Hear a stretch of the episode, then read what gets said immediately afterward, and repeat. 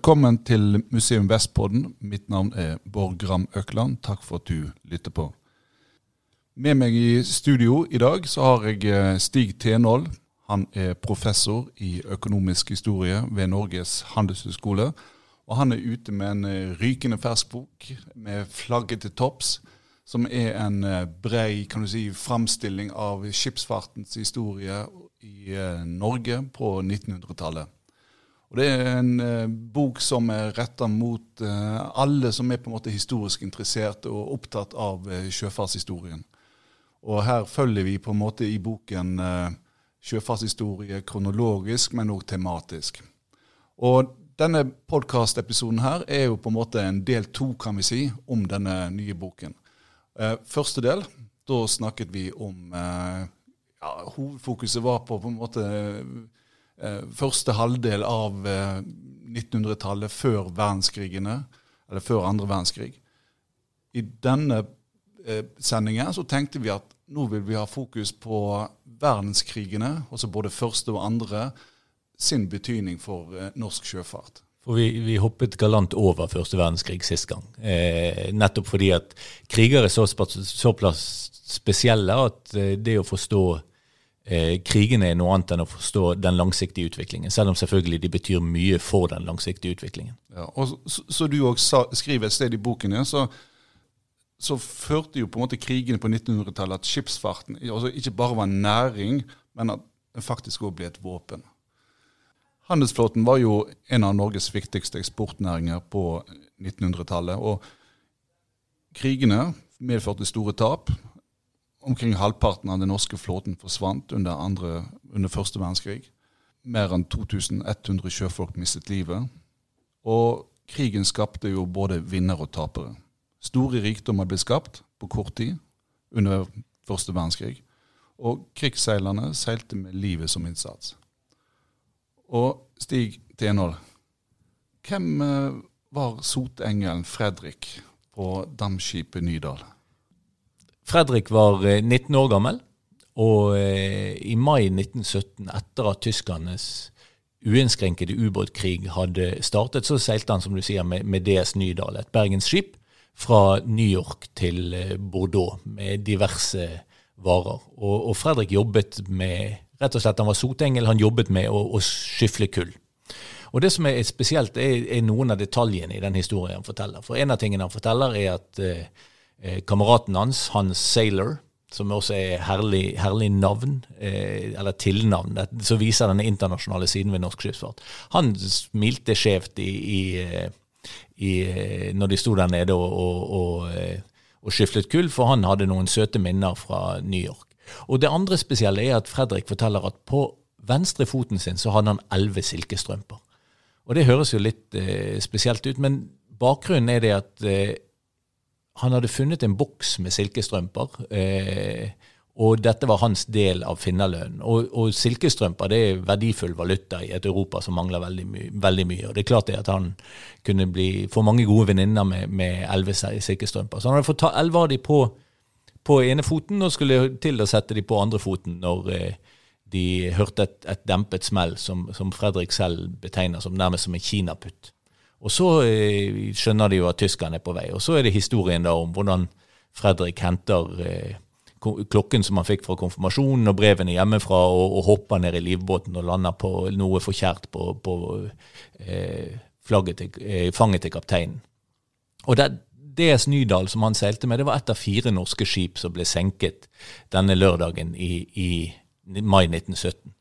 Og alle om bord de overlevde. Det var 42 mennesker om bord på to dampskip som ble, ble, senket. Det var Nydal og Segovia. Og så var det 47 om bord på to seilskip, Asra og Snig, som ble, som ble senket. Og de, de, mest uheldige det var, var, de som var på Asra. Fordi eh, de gikk i livbåtene og ble etter en stund plukket opp av et dansk skip som het Hans Broge. Og så opplevde de jammen at det også ble senket. Det var ikke vanlig eh, å bli senket to ganger i løpet av, av 48 eh, timer, men eh, ja, det, det, var sånt som skjedde. Og, og ved å, å, å starte, Jeg begynte å, å, komme over historien om Fredrik Ilbo, og så begynte jeg å, via sjøforklaringen nøste opp andre ting som skjedde. Så det, dette er en, en, vanlig lørdag i mai 1917. Norge, som ikke er med i første verdenskrig, et nøytralt land, har da nesten 90 innbyggere som, som, eh, som senkes eh, til sjøs. Utrolig historie. Og Stormaktenes krig på havet altså under første verdenskrig gikk jo hardt utover skipsfartsnasjonen Norge. Hvordan merket eh, Norge dette? Vel, som du nevnte i sted, så, så var det over 2000 mennesker som døde. Eh, 950 skip eh, ble senket. Eh, og det er klart det at dette spiller en, en rolle i, i lokalsamfunn. Og samtidig så er det jo de som selvfølgelig seiler, som lever i frykt og, og, og fare. Hva, hva, var trusselen mot eh, norsk skipsfart der ute på havet? Dette endret seg litt over tid. I utgangspunktet, fordi Norge var nøytralt, så eh, var jo ikke norske skip fritt vilt. Men eh, de var legitimt bytte dersom de fraktet såkalt kontrabande, altså krigsvarer. Men krigsvarer kan være nesten hva som helst. Altså Bomullstråd kan være krigsvarer fordi det kan brukes til å lage uniformer. Så i utgangspunktet så var det det største problemet faktisk miner. Det at eh, store deler av Nordsjøen ble minelagt for å begrense trafikken inn til eh, Tyskland, bl.a. Deretter så var det eh, tyske kryssere som var, var eh, eh ute etter eh, norske skip for å se, se hva de hadde. Men Tyskland har mangel på kull i denne perioden, så tyske krysserflåten forsvinner etter hvert. Og så ender vi opp med det som eh, blir den store og kjente trusselen, selvfølgelig, som er ubåtene. Det er jo det klassiske, det klassiske bildet av, av, skip som blir senket, så er det ubåter som er inne i bildet. Og dette forverrer jo seg i, i 1917. Eh, februar, da eh, innfører tyskerne såkalt uinnskrenket ubåtkrig. Da spiller det ingen rolle om skipene har kontrabande eller ei da tar de det de vil innenfor et visst område. Men det, det foregikk i, i, relativt høflige former eh, veldig lenge. Altså at eh, ja, besetningen fikk lov å gå i livbåtene osv. Mm. Men minene var på en måte en trussel gjennom hele krigen, var ikke det det? Mens ubåtene var, var, vel ikke det? Nei, ubåtene kommer, kommer, mer og mer til, og tyskerne bygger dette veldig ut på slutten. Så løser man det i noen grad ved å begynne å seile i konvoi. Altså at man seiler flere skip sammen, eh, ledsaget av krigsskip, som, som, gjerne er klar for ubåttrusselen. Eh, men eh, det er klart at, at ubåtene blir det som tar flest liv, og flest mennesker. Men det var litt sånn, som du sa i sted, så det var litt sånn gentleman-krigføring på en måte, da, eh, med ubåtene. En periode iallfall. En periode iallfall. Og, så, og så forverrer det seg. Ja. Men så, så, du sier Norge holdt en nøytral linje eh, under krigen eh, i forhold til stormaktene. Og, men nøytralitet, kan du utdype litt? Grann? Hva, hva, er, hva, ligger det i det, og endret på en måte den nøytrale linjen seg over tid? Eh, det, det, er to ting som er viktig å huske på her når det gjelder Norge og første verdenskrig. Det ene er det at i 1914, når første verdenskrig bryter ut, så er Norge en veldig ung nasjon. Så frem til 1905 så var det jo svenskene som i bunn og grunn hadde bedrevet vår utenrikspolitikk. Så Norge er en, en ung nasjon. De, de, ønsker å fremstå som eh, nøytrale, men på noen områder så kan du si at dette er en slags strutsepolitikk. De, de, sitter helt stille i håp om ikke å bli oppdaget, men eh, Norge er såpass sentral, og spesielt pga. handelsflåten, at, at, det å være nøytral, det, det klarer de ikke. Eh, det andre som vi må huske på, er det at vi tenderer å tenke eh, på disse to verdenskrigene som en slags sånn godt mot ondt. Og dette kommer jo spesielt pga. andre verdenskrig, hvor det, det, er åpenbart hvem som var the bad guy. Men det som er viktig å huske på, er at det ikke er gitt i 1914 at Norge kommer til å, å lande på engelskmennenes side, for å si det sånn. Norge har, har eh, veldig nære bånd til Tyskland. Keiser Wilhelm 2. er i Norge når, krigen, eh, når han får beskjed om at forspillet til krigen begynner for fullt.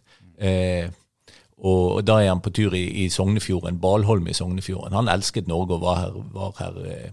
han, han, var her altså når, når han fikk eh, beskjed om at krigen brøt ut? eller? Ja, det, det, vi kan diskutere når, når, når krigen bryter ut, for det, det, er mange stadier i dette. Men han får, han får et, i, i dagbokbøkene sine så sier han at han, han leser inn i, i, eh, i, norske aviser om det, det spente, den spente situasjonen på kontinentet og bestemmer seg for å dra sørover. Eh, mens eh, norske aviser forteller at han mottar en, en depesje, altså et bud, mens han er, er i Sognefjorden, og, og, nærmest løper tilbake til båten sin Hohenzollern og, og, og setter veien sørover.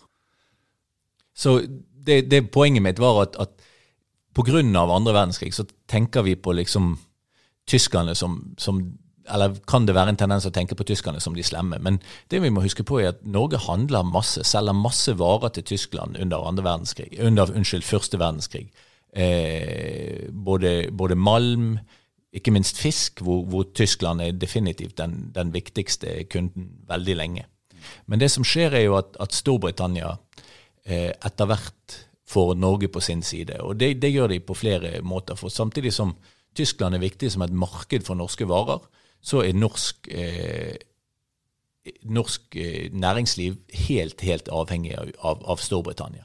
Så vi kan si det at, at norsk, norske fiskere, f.eks., de, de, var avhengig av, av, Tyskland for å få solgt varene sine, men samtidig så var de avhengig av, av innsatsfaktorer. Kull, eh, bomullstråd osv. Garngøtt fra, fra eh, Storbritannia for å få fisket fisken. Krig fører jo til eh, høy risiko til sjøs. og Hvordan gikk det da med fraktratene? Det som skjer når, når krigen bryter ut, er at fraktratene stiger veldig. Og det, det er flere grunner til dette. Eh, for det første så er Tyskland og ikke minst Storbritannia veldig viktige sjøfartsnasjoner. Eh, tyskerne fordi den britiske marinen er såpass viktig, så, så forsvinner de, de, de, tyske handelsskipene nærmest fra verdenshavene. Så, så der forsvinner en konkurrent, og, og når, når, tilbudet blir mindre, så går, eh, går prisene opp. Samtidig så rekvirerer britene omkring en, en tredjedel av, av, den britiske handelsflåten, som på denne tiden utgjør nesten halvparten av verdens handelsflåte, eh, til myndighetene. Og, og, det igjen betyr at, at tilbudet strupes og etterspørselen går opp. Så fraktratene stiger fordi tilbudet blir mindre, og fordi etterspørselen blir høyere. Og etter hvert så forsvinner jo også norske skip som blir krigssenket osv. Og, uh, og det bidrar til at fraktratene skyter i været. Og det er jo en, en, en veldig positiv ting for de som eier skip. Når fraktratene stiger i været, så stiger også uh, verdien på skipene voldsomt. Og hvis du ser eh, f.eks. grafer som viser eh, fraktratutviklingen i det 20. århundre, så er veldig ofte 1914 til 1918 ikke med. Eh, og det er rett og slett fordi at du sprenger skalaen. Da ser, da ser det ut som, eh, som eh, det er Danmark, og du har plassert Ulriken midt på. Eh, det, det, går kjempehøyt. Det at fraktratene går eh, i taket, altså, det fører jo til at eh, formuer kan bli skapt her. At her det, kan det være raske penger å tjene, eller? Det er ingen tvil om at her var det mye penger å tjene. De som hadde et skip i 1914, eh, det er en nordmann, norsk eh, økonom som sier at de var vinnere i livets eh, lotteri. Eh, og det er klart at eh, det danner seg en voldsom spekulasjon rundt skipsfart. Der er en, en, kraftig prisøkning i Norge pga. Av, av eh, at det er varemangel.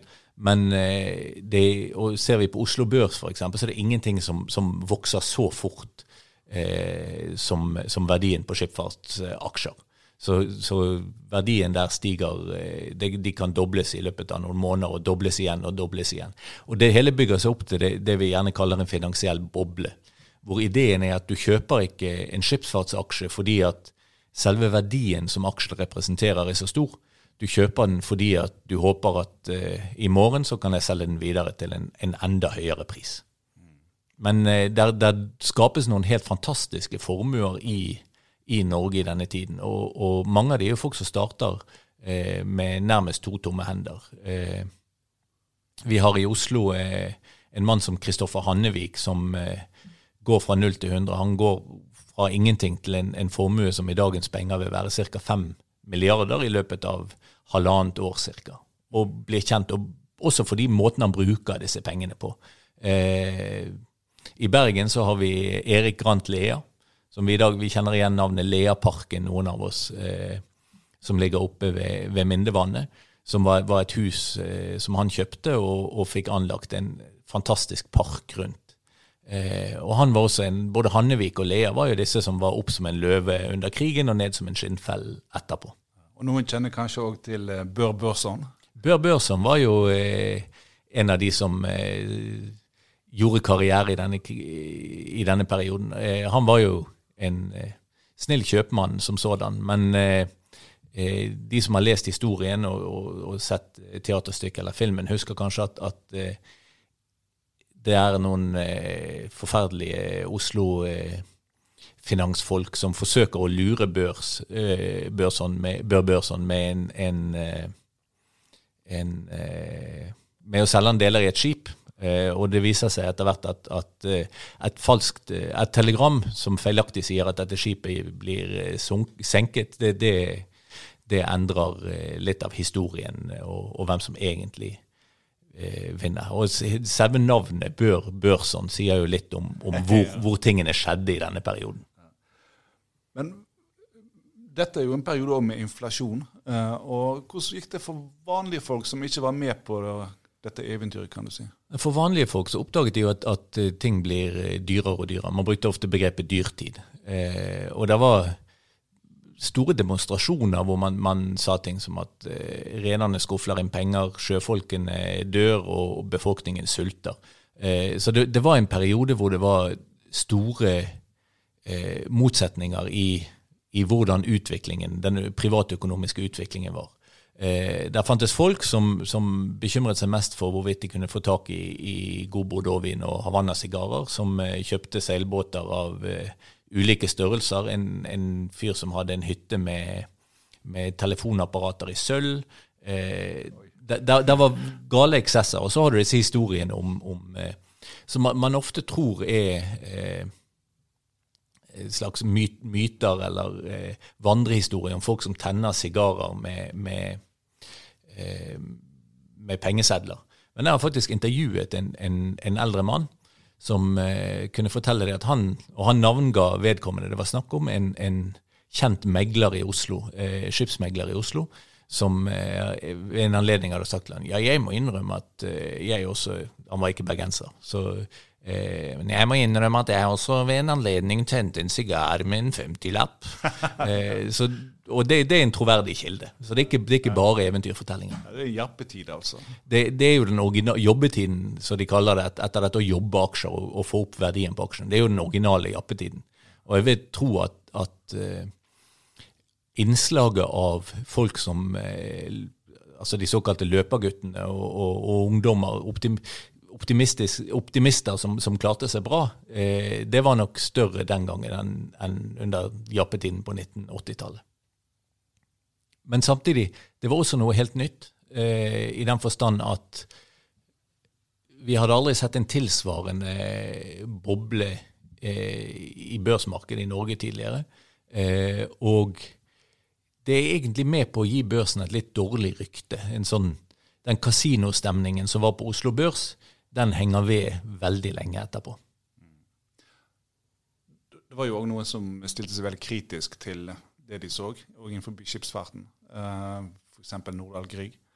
Det er, klart, det er, klart at Nordahl Grieg bruker jo dette fordi det er verd i, i vår ære og vår makt. Eh, og du får en, en, klar motsetning her. Altså syndikalister, anarkister, kommunister. Det blir en politisk polarisering eh, under krigen eh, pga. de ekstreme forholdene. Ekstreme, ekstreme forhold gir ekstreme løsninger. Året 1917 ble jo veldig viktig eh, under, under den første verdenskrigen. Eh, hva, hva, som gjør, hva som skjer det året der? Eh, det ene som skjer, er at eh, Storbritannia eh, og Norge inngår en, en tonnasjeavtale, hvor nordmenn stiller mye av sin tonnasje til disposisjon for britene. Eh, det vil si at, at denne ideen om, om, Norge som en slags nøytral alliert, som, eh, som, er et kjent begrep, den eh, kommer frem nå. Da får britene tilgang på norske skip og kan bruke de rundt omkring i verden. Det som var spesielt, var at norske skip, fordi at Norge hadde vært nøytralt, så var, var norske skip utstyrt med Norge og, og, malt norsk flagg på, på, siden, så det skulle være åpenbart at de, disse skulle ikke være ubåtmat i første omgang. Eh, og det var lenge positivt, på en måte.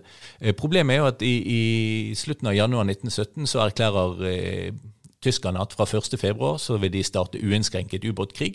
Dvs. Si at de, de, tar det som finnes av skip i et, i et, gitt farvann. Og da var det plutselig veldig dumt å, å seile rundt og, og, klart signalisere at man var nøytral, for det betydde også at man var, man var ubevæpnet.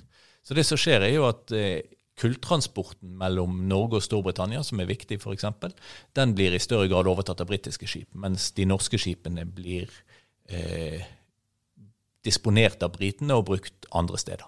Men, men Betyr det at eh, norsk tonnasje, nøytral tonnasje, blir sendt, satt inn i på en måte den farlige krigssonen? eller? Der, der går vel, hele tiden mye norsk tonnasje også i den farlige krigssonen. Eh, og nordmennene får faktisk et, et rykte på det for, for, å være villige til å, å, ha skipene sine der.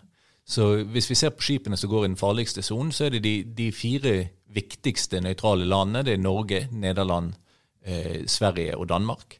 Og, og hva, er den farligste sonen? Bare for å ta det. Den farligste sonen er, er Nordsjøen og områdene tett mot Storbritannia.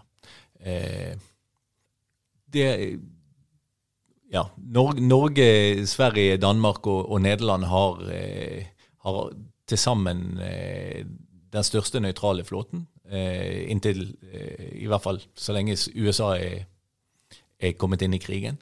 Og det er klart at de landene der, blant de så er det nordmennene som, som tar eh, mange av de verste oppdragene. Eh, britene hadde jo den fordelen at de hadde kull.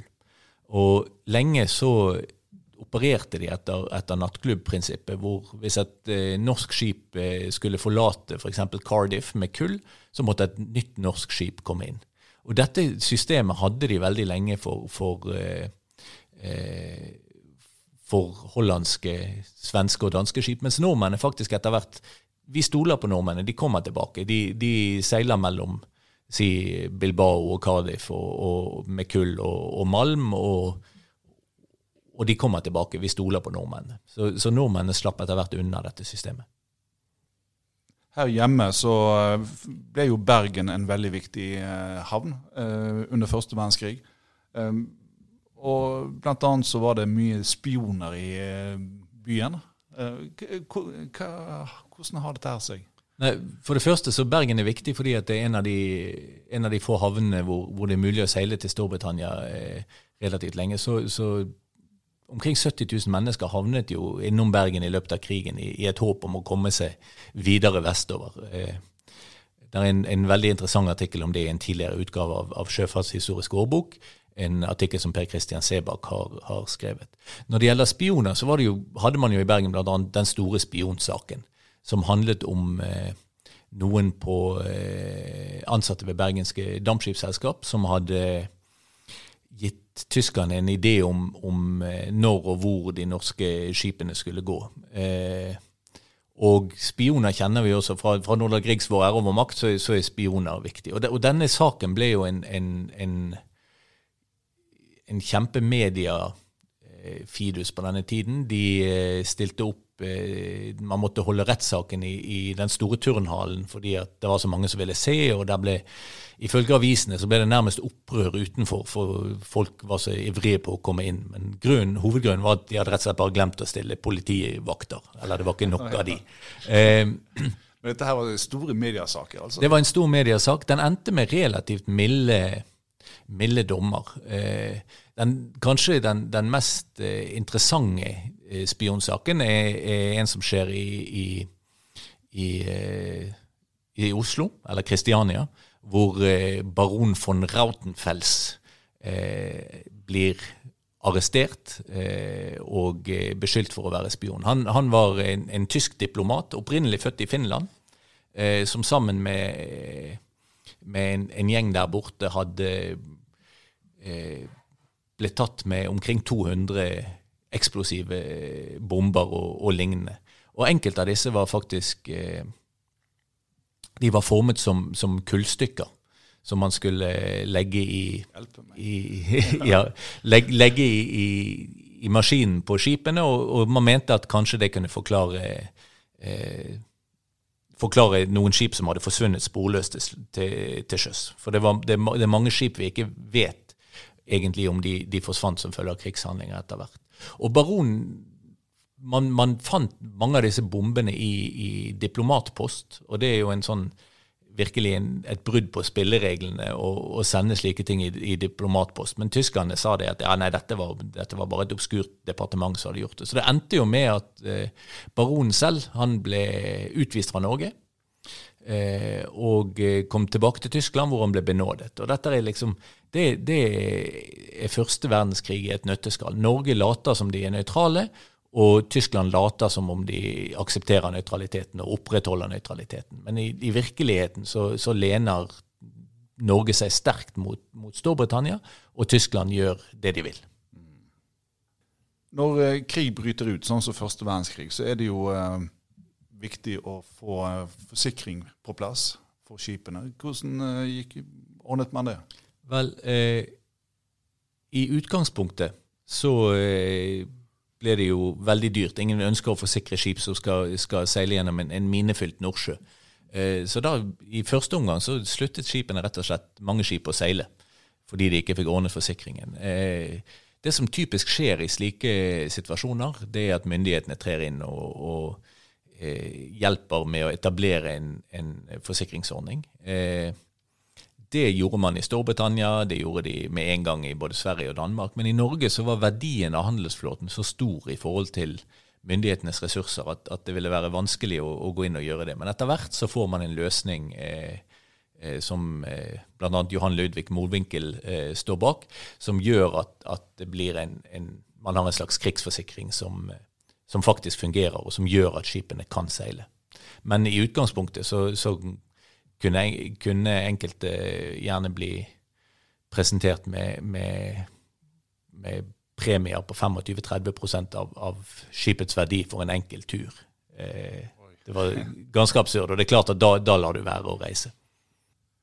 Ja, for, for, for um, I begynnelsen av krigen, er det sånn at flåten ligger litt i ro inntil forsikringen er på plass? De, deler, deler, av skipene slutter å seile inntil videre. Eh, men så, så, får man en ordning.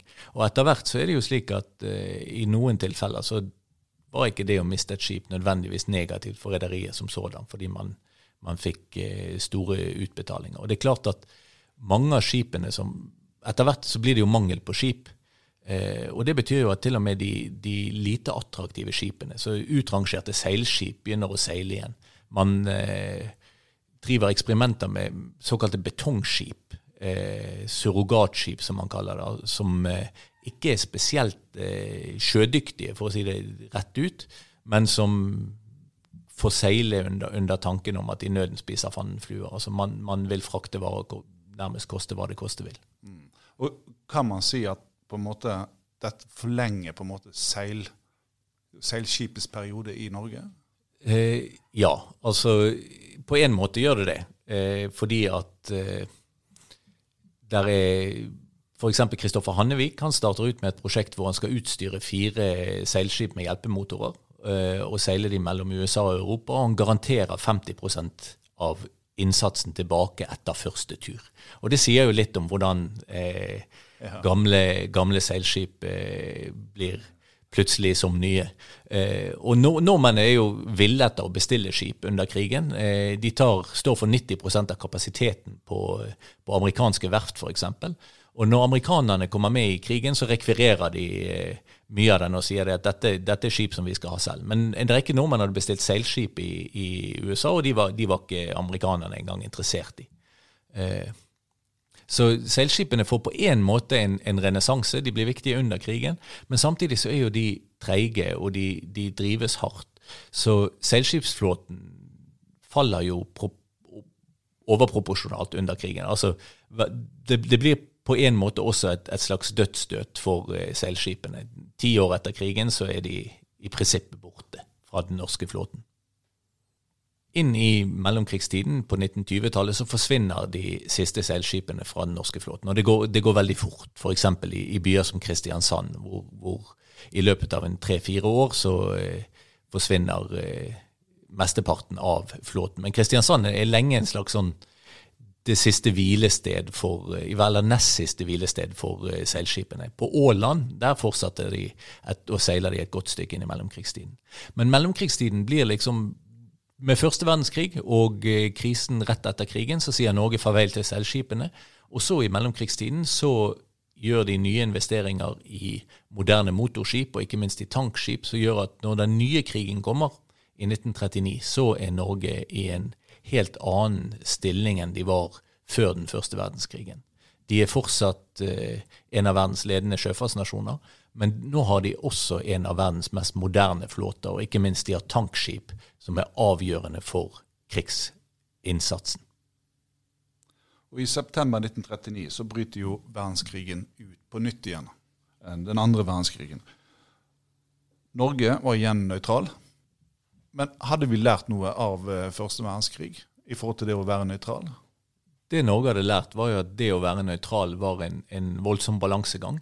Eh, hvor man måtte balansere ulike hensyn. Man måtte balansere hensynet til å, å sikre befolkningen hjemme eh, det de trengte. Man måtte sørge for at skipene seilte og tjente penger. Og så måtte man sørge for å ikke irritere noen av partene for mye. Men under første verdenskrig så enda jo Norge opp som den såkalte nøytrale allierte. Ikke tvil om at det er Storbritannia vi er på side med, kan du si. Og slik er det for så vidt også eh, under innledningen til andre verdenskrig, altså den perioden som kalles den glemte krigen. Hvis vi snakker om andre verdenskrig, så kan vi snakke om, om eh, andre verdenskrig og norsk skipsfart i, i fire faser, kanskje. Sant? Det første fasen er fra september 39 til 9. april 1940, som er det som kalles den glemte krigen. Og Da, da er det jo faktisk en, en god del norske skip som, som eh, blir krigsbytte, eh, som senkes eh, der også, og en god del norske sjøfolk eh, som forsvinner. Eh, så er det selve krigen fra eh, april 1940 til mai, eventuelt august 1945. og så er det den første tiden etter krigen, fra, fra mai, mai, 45, når norske sjøfolk begynner å komme hjem. Og så er det dette lange etterspillet som varer langt inn på 1970-tallet, hvor, hvor, man krangler om krigen.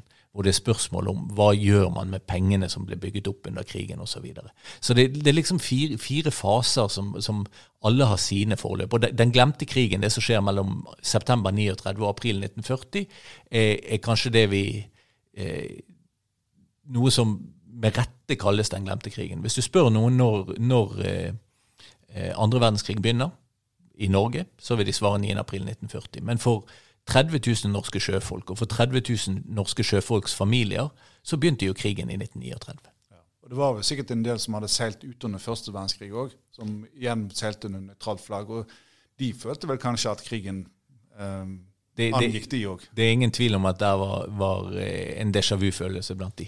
Ja. Hvis vi ser på den der perioden glemte krigen, hvordan forholdt eh, eh, skipsfartsnæringen sin til det. Og og så krigen eskalerte, og var dette her noe man fulgte veldig tett på?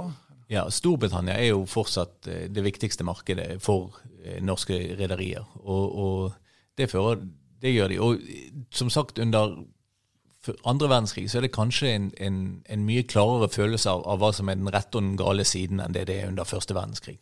Eh, men samtidig så er Norge de tør ikke gjøre veldig mye. Og, det ender jo med at eh, briten, både britene og, og, og, tyskerne krenker norsk territorium. Eh, blant annet så kommer, har vi den såkalte Altmark-affæren, hvor eh, tyskerne har et, et, skip med 300 krigsfanger som, som seiler langs norskekysten. Og norske myndigheter tre ganger klarer å inspisere skipet uten å finne disse fangene. Og da blir britene så oppgitt at de tar eh, eh, saken i egne hender. Og dette er februar 1940. Dette, dette er før Norge kommer med krigen. Ja, Så det var, det var en vanskelig balansegang her òg? Definitivt. Og etter hvert så ender det jo med at britene minelegger eh, norsk territorium. Norge er jo spesielt interessant pga. Eh, eh, Narvik, som eh, brukes som utskipingshavn for eh, svensk jernmalm. Ja. Og, men også an, under andre verdenskrig så er det klart det at eh, det er Storbritannia som er eh, stormakten på havet, og tyskerne som er relativt underlegne. Under nøytraliteten, og så under den glemte krigen, eh, den første fasen som du skriver om, var det, altså, det var miner som var en trussel, men var det ubåter òg, på samme måte som under første verdenskrig? Det var det, og de var jo blitt enda mer effektive og enda mer dødelige. Men ubåtene ble liksom, det, det, var det tyskerne virkelig hadde å, å, by på. Den tyske krigsmarinen den hadde klare geografiske begrensninger. Eh, og Norges kystlinje var jo eh, kronglete og, og, full av gjemmesteder, og sånn sett perfekt for eh, tyske ubåter. Og, og eh, det å ta Norge ville gjøre gjøre det enklere å utfordre britenes dominans i, i, Nordsjøen. Og Hvis vi ser på f.eks. Eh, storadmiralen som Erik Reder, som, som, ledet den tyske krigsmarinen, så var jo han stor tilhenger av, av, å invadere Norge. Og han, han, var vel fullt klar over den tyske krigsmarinens begrensninger. Han sa det at det eneste vi kan gjøre, er å vise at vi er i stand til å dø tappert.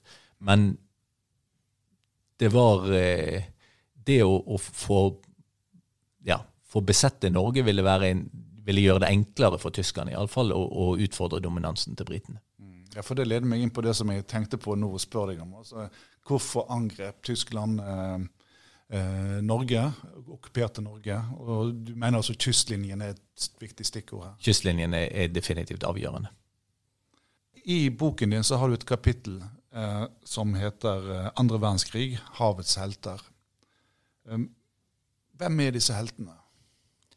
Heltene er jo eh, de anonyme. Det er krigsseileren. Da, da Norge eh, skulle, da Verdens Gang, eller VG som den heter, skulle velge århundrets nordmann i, i, om det var i 2000 eller 2005, så, så, var jo den anonyme krigsseileren den som ble, ble fremhevet. Det var de som, alle de som eh, satte livet på spill, Eh, som levde i tøff risiko, eh, og som bidro til eh, å holde Norge fritt. For Norge er jo eller å holde det frie Norge i live. Norge er jo i en helt spesiell stilling under, under, verdenskrigen. Fordi at vi har en så stor handelsflåte, så kan jo norske myndigheter, når de har dratt til, til London, så har de jo faktisk penger å overleve for. Så en, en, vesentlig del av den norske økonomien fungerer uavhengig av om Norge er okkupert eller ei. Og det er jo de som seiler, de som eh, driver skipene, de som eier skipene, som er de ukjente heltene her. Mm. Hvorfor har uh, krigsseilerne så stor appell uh, i norsk offentligheten, selv i dag? Vel, Vi har sett dette helt tydelig. En, ting var eh, denne avstemningen. Men bøkene til Jon Michelet og hvor godt de har solgt historien og Halvor Skramstad er jo kanskje den, den eneste krigsseileren som mange nordmenn kjenner navnet på, eh, og han er fiktiv. Men der, der er, jeg tror det er tre, tre grunner til at, eh, at, de bøkene ble en kjempesuksess, og at, at eh, vi husker krigsseilerne mer i dag enn vi gjorde bare for, for 20 år siden. Og det ene tror jeg er at selve rammen er jo fantastisk. For de fleste nordmenn så var krigen noe litt sånn prosaisk. Det handlet om å, å å overleve, om å, å få det du, du skal, skulle, med mindre du var jøde eller motstandsmann, hvor, hvor, det var litt mer alvor. Veldig mye mer alvor. Eh, mens for krigsseilerne så var jo dette her blodig krig, eh, frykt, trusler hele tiden. Så rammen er, er veldig spesiell. Det, det, er en ramme som egner seg til å, å fortelle skjebnehistorier. Det andre tror jeg er at eh, den gangen var sysselsetting i, i handelsflåten veldig mye mer vanlig. Sant? Det var 30 000 som var ute eh, og seilte da krigen brøt ut. Så det betyr at i de fleste familier, spesielt i Kyst-Norge, så er det noen som, som har eh, erfaring med dette.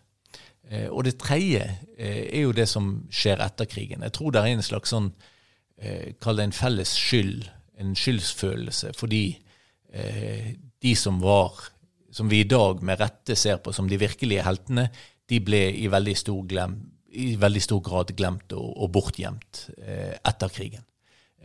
Som jeg skriver i, i boken, at i mai 1945 så, så, var det heltene i uniform som ble tatt imot. Enten de hadde kjempet fem år ute eller vært 14 dager i, på speidertur på skauen. Eh, mens de som gjorde den andre lange innsatsen, eh, krigsseilerne, de kom Eh, hjem stykkevis og, og delt, eh, og uten noe stor salutt. Enkelte av de kom sent, og de ble ikke pent behandlet. Du hadde folk som eh, hadde oppdaget at de hadde vært ute så lenge at de var forsvunnet fra manntallet. Så de som hadde kjempet for det frie Norge, de fikk ikke lov å stemme ved valget. Du hadde folk som hadde vært ute, reist ut i ung alder, vært ute og kjempet eh, i krigssonen i fem år og kom tilbake og måtte avtjene verneplikt. Der, der er noen fantastiske eh, paradokser med måten de ble behandlet på. På samme tid, under andre verdenskrig, så jo, uh, hadde vi jo en eksilregjering i London. Og kong Haakon var jo et uh, som alle vet, et, si, et nasjonalt symbol. Eh, viktig symbol under krigen. Og han omtalte seg eh, Jeg tror du skriver at det var i et hageselskap i London. Så I en tale der så omtalte han seg som verdens største skipsreder. Samtidig som eh, norske myndigheter, regjeringen, kongen, eh, kronprinsen er på vei ut av Norge, så oppretter man i, i London Nortraship som en organisasjon som skal sørge for eh, driften og, og, befraktningen av de norske skipene. Og eh, den opprettes i City i London, eh, helt sentralt, nær Lloyds, nær, nær alle de viktige shippinginstitusjonene. Men samtidig så er dette et område som, eh, eh, som er utsatt for bombing, angrep fra tyskerne. Så man oppretter i, like etterpå eh, en i et tidligere italiensk eh, drevet kloster eh, i et sted som heter Sunningdale, så oppretter man en, en, en, en annen avdeling av Nortraship. Og det er her, her man samlet bl.a. både seilende og kontoransatte til en, årlig sommerfest et par år. Og det er også her kong Haakon sier det, at når han ser utover dette, så de folkene som er der, så, så føler han seg som verdens største skipsreder. Og det er klart det at det er jo det største rederiet som, som, noen gang egentlig har eksistert. De, eh, de, norske skipene som da kommer inn under ordningen. Det som kalles Norwegian, eller heter Norwegian Shipping and Trade Mission, men, men som bare blir kjent med, med telegramadressen Nortraship. Hvor stort var Nortraship? Nortraship eh, utgjorde jo hele Norges eh, del av verdensflåten. Det var så godt som alle norske skip eh, som var utenriks. Da andre verdenskrig brøt ut. Noen få som hadde vært i, i uheldige havner og sånn, ble, ble rekvirert av tyskerne, bl.a. I, i Sverige. Så hindret tyskerne skipene fra å dra. Men det var, det var en, en, en, stor organisasjon. Og den lever jo eh, på en litt sånn vanskelig måte, fordi at for det første så er det en, en stor internasjonal organisasjon der man skal forvalte en, en, kjempestor flåte. Man er avhengig av å få informasjon ut til flåten.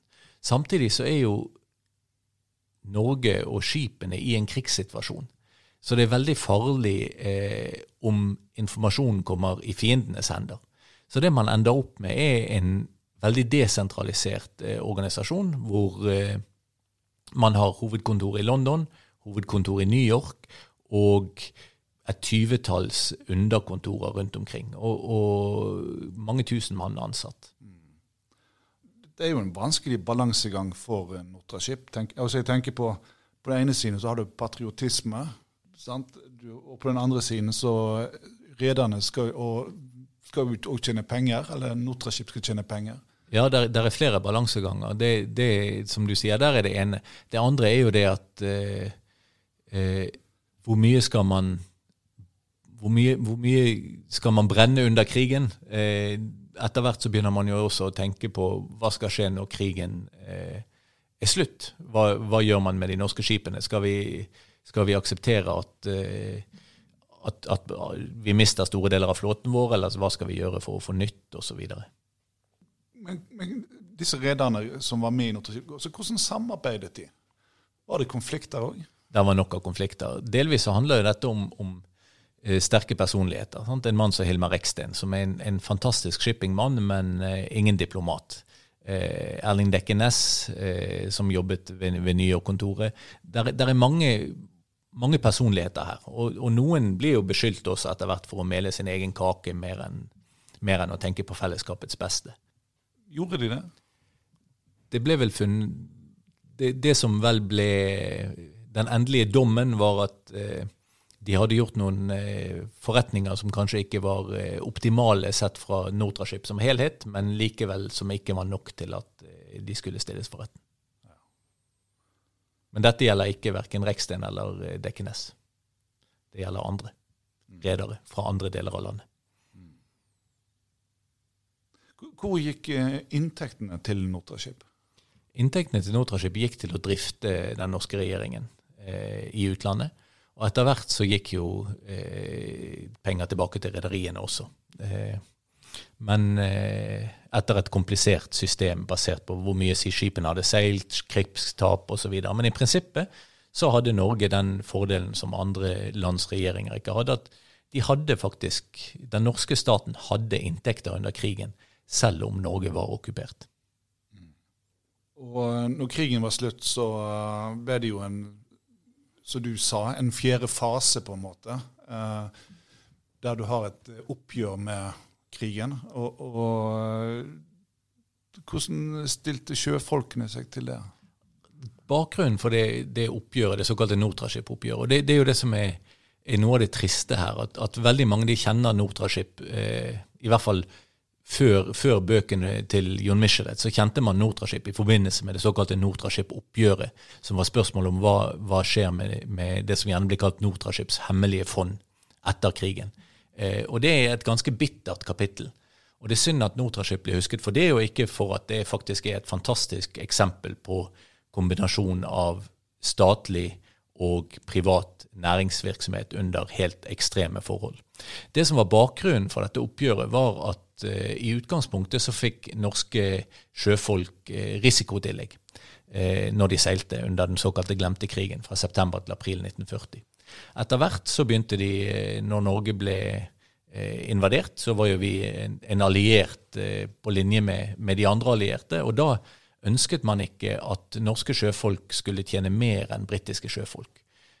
Så der ble satt inn penger på en konto som skulle deles ut etter krigen. Og, og sjøfolkene var, var, ganske klar over dette. De, de visste, de så at, at risikotilleggene deres ble, ble, lavere, og de kunne reduseres kraftig. Men de, de, det var en forståelse om at dette skal de få tilbake etter krigen. Blant norske sjøfolk så var dette, dette fondet en, en offentlig hem, hemmelighet. Og på slutten av 1947 så var det kommet opp i, i nesten 44 millioner kroner, som var veldig mye penger den gangen. Eh, og det var usikkert hvem som, som eh, skulle hadde krav på disse pengene. Det var jo krigsrisikoen som, som norske sjøfolk hadde eh, utsatt å motta. Og Da setter man opp en offentlig komité som i 1947 foreslår at disse pengene skal gå til enker og barn etter sjøfolk som hadde mistet livet, til de som var blitt skadet, handikappet, til eldre sjøfolk osv. Og, og, og det er det som, som Stortinget vedtar. Men samtidig med dette så er det en del sjøfolk som har seilt, som sier at ja, men dette var jo våre penger, og de, de kjører eh, en sak i rettssystemet for å få sine 44 millioner. Eh, den avviser Høyesterett i, i 1954. Men saken blir liksom aldri den blir aldri ferdig. Og, og, det er mange som taler sjøfolkenes sak. Erik Bye og andre som, som, som jobber for dem. Og i, i 1972 så blir man endelig ferdig. Eh, da vedtar Stortinget å, å, gi en såkalt ekskratia-utbetaling, som ikke betyr at de påtar seg noe skyld, men, eller sier at de har gjort feil, men vi betaler 155 millioner til, til krigsseilerne og deres etterlatte. Men det er, er mange, mange, stygge saker i, i etterspillet etter eh, andre verdenskrig. Én ting er jo at eh, krigsseilere fikk ikke krigspensjon, f.eks. Eh, de som hadde psykiske problemer, måtte veldig lenge bevise at dette kom som et faktum, har, som, et, som, et, resultat av at de hadde seilt rundt på, på flytende bomber i, i, fem år, og ikke, ikke hadde noen andre grunner. Og her, her etter hvert så endrer, eh, endrer bevisførselen seg. Men det er først ut på 1960-tallet. Så, så verken samfunnet eller myndighetene behandler krigsseilerne spesielt godt, kan du si. Eh, men det ender jo faktisk med at de får unnskyldning. Eh, det skjer i 2013, altså 68 år etter at krigen var over. Da eh, holder forsvarsminister Anne Grete Strøm-Eriksen en, en, tale hvor hun sier det at eh, vi som samfunn så skuffet vi dere krigsseilere. Men da er det allerede for sent, egentlig, for de aller, aller fleste. Og når vi ser tilbake, både første og andre verdenskrig, hva eh, rolle spiller skipsfarten i krig? Skipsfarten er helt avgjørende. Eh, David Lloyd George, som var, var britisk statsminister, han sier det at eh, veien til suksess under første verdenskrig kan forklares med ett ord, skip, og ett ord til, skip, og et tredje ord, skip. Er, skipsfarten er helt avgjørende for hvordan eh, For utfallet av krigen, kan du si. Eh, og norsk skipsfart gjør en, en ekstremt viktig innsats i, i, under krigen. En million soldater blir det gjerne sammenlignet med det den norske handelsflåten gjør. Så er det klart også for Norge så blir skipsfarten viktig. Det er viktig eh, som en inntektskilde under første verdenskrig. Riktignok så går noe av inntektene til, til, luksusforbruk, men for folk flest så er det viktig at, at Norge har en handelsflåte som, som holder hjulene i gang. Eh, under andre verdenskrig så er den jo helt, helt avgjørende, for uten skipsfarten så ville, ville London-regjeringen måtte finansieres på andre måter. Eh, så det er klart det at eh, det viktigste bidrag til, som Norge gjør under andre verdenskrig, det kommer ved skipsfarten. Der dør flere norske sjøfolk enn, enn norske soldater, f.eks. Takk til eh, deg, Stig Tenhold, professor i økonomisk historie ved Norges handelshøyskole, som også er aktuell med den rykende ferske boken 'Med flagget til topps'. Takk for at jeg fikk komme. Og eh, nå har vi snakket oss gjennom første halvdel av det 20. århundre, inkludert eh, krigene. Og kanskje vi skal ta en prat igjen senere om eh, 1950- og 1960-tallet som er norsk skipsfarts gullalder. Ja, det syns jeg absolutt vi må gjøre. OK, på gjensyn.